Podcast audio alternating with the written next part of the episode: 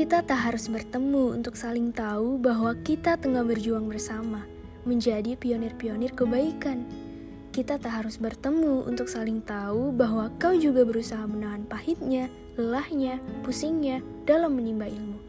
Ya, kita tak harus bertemu karena aku yakin hati yang merindukan kebaikan sudah terpaut terlebih dahulu. Hati yang selalu memaksa tuannya untuk menaburkan benih-benih perjuangan. Potensi dari Allah harus dimaksimalkan lalu dikembalikan untuk memperjuangkan agama Allah. Begitu sekiranya hati berkata, meski raga tak bertemu, namun doa takkan pernah terhenti, berharap perjumpaan kelak di surga tertinggi. Jarak dan keadaan tak jadi alasan untuk meredupkan perjuangan. Jadi jangan pernah merasa kesepian, karena sejatinya kita tengah seirama. Ya, sama-sama mengagungkan namanya.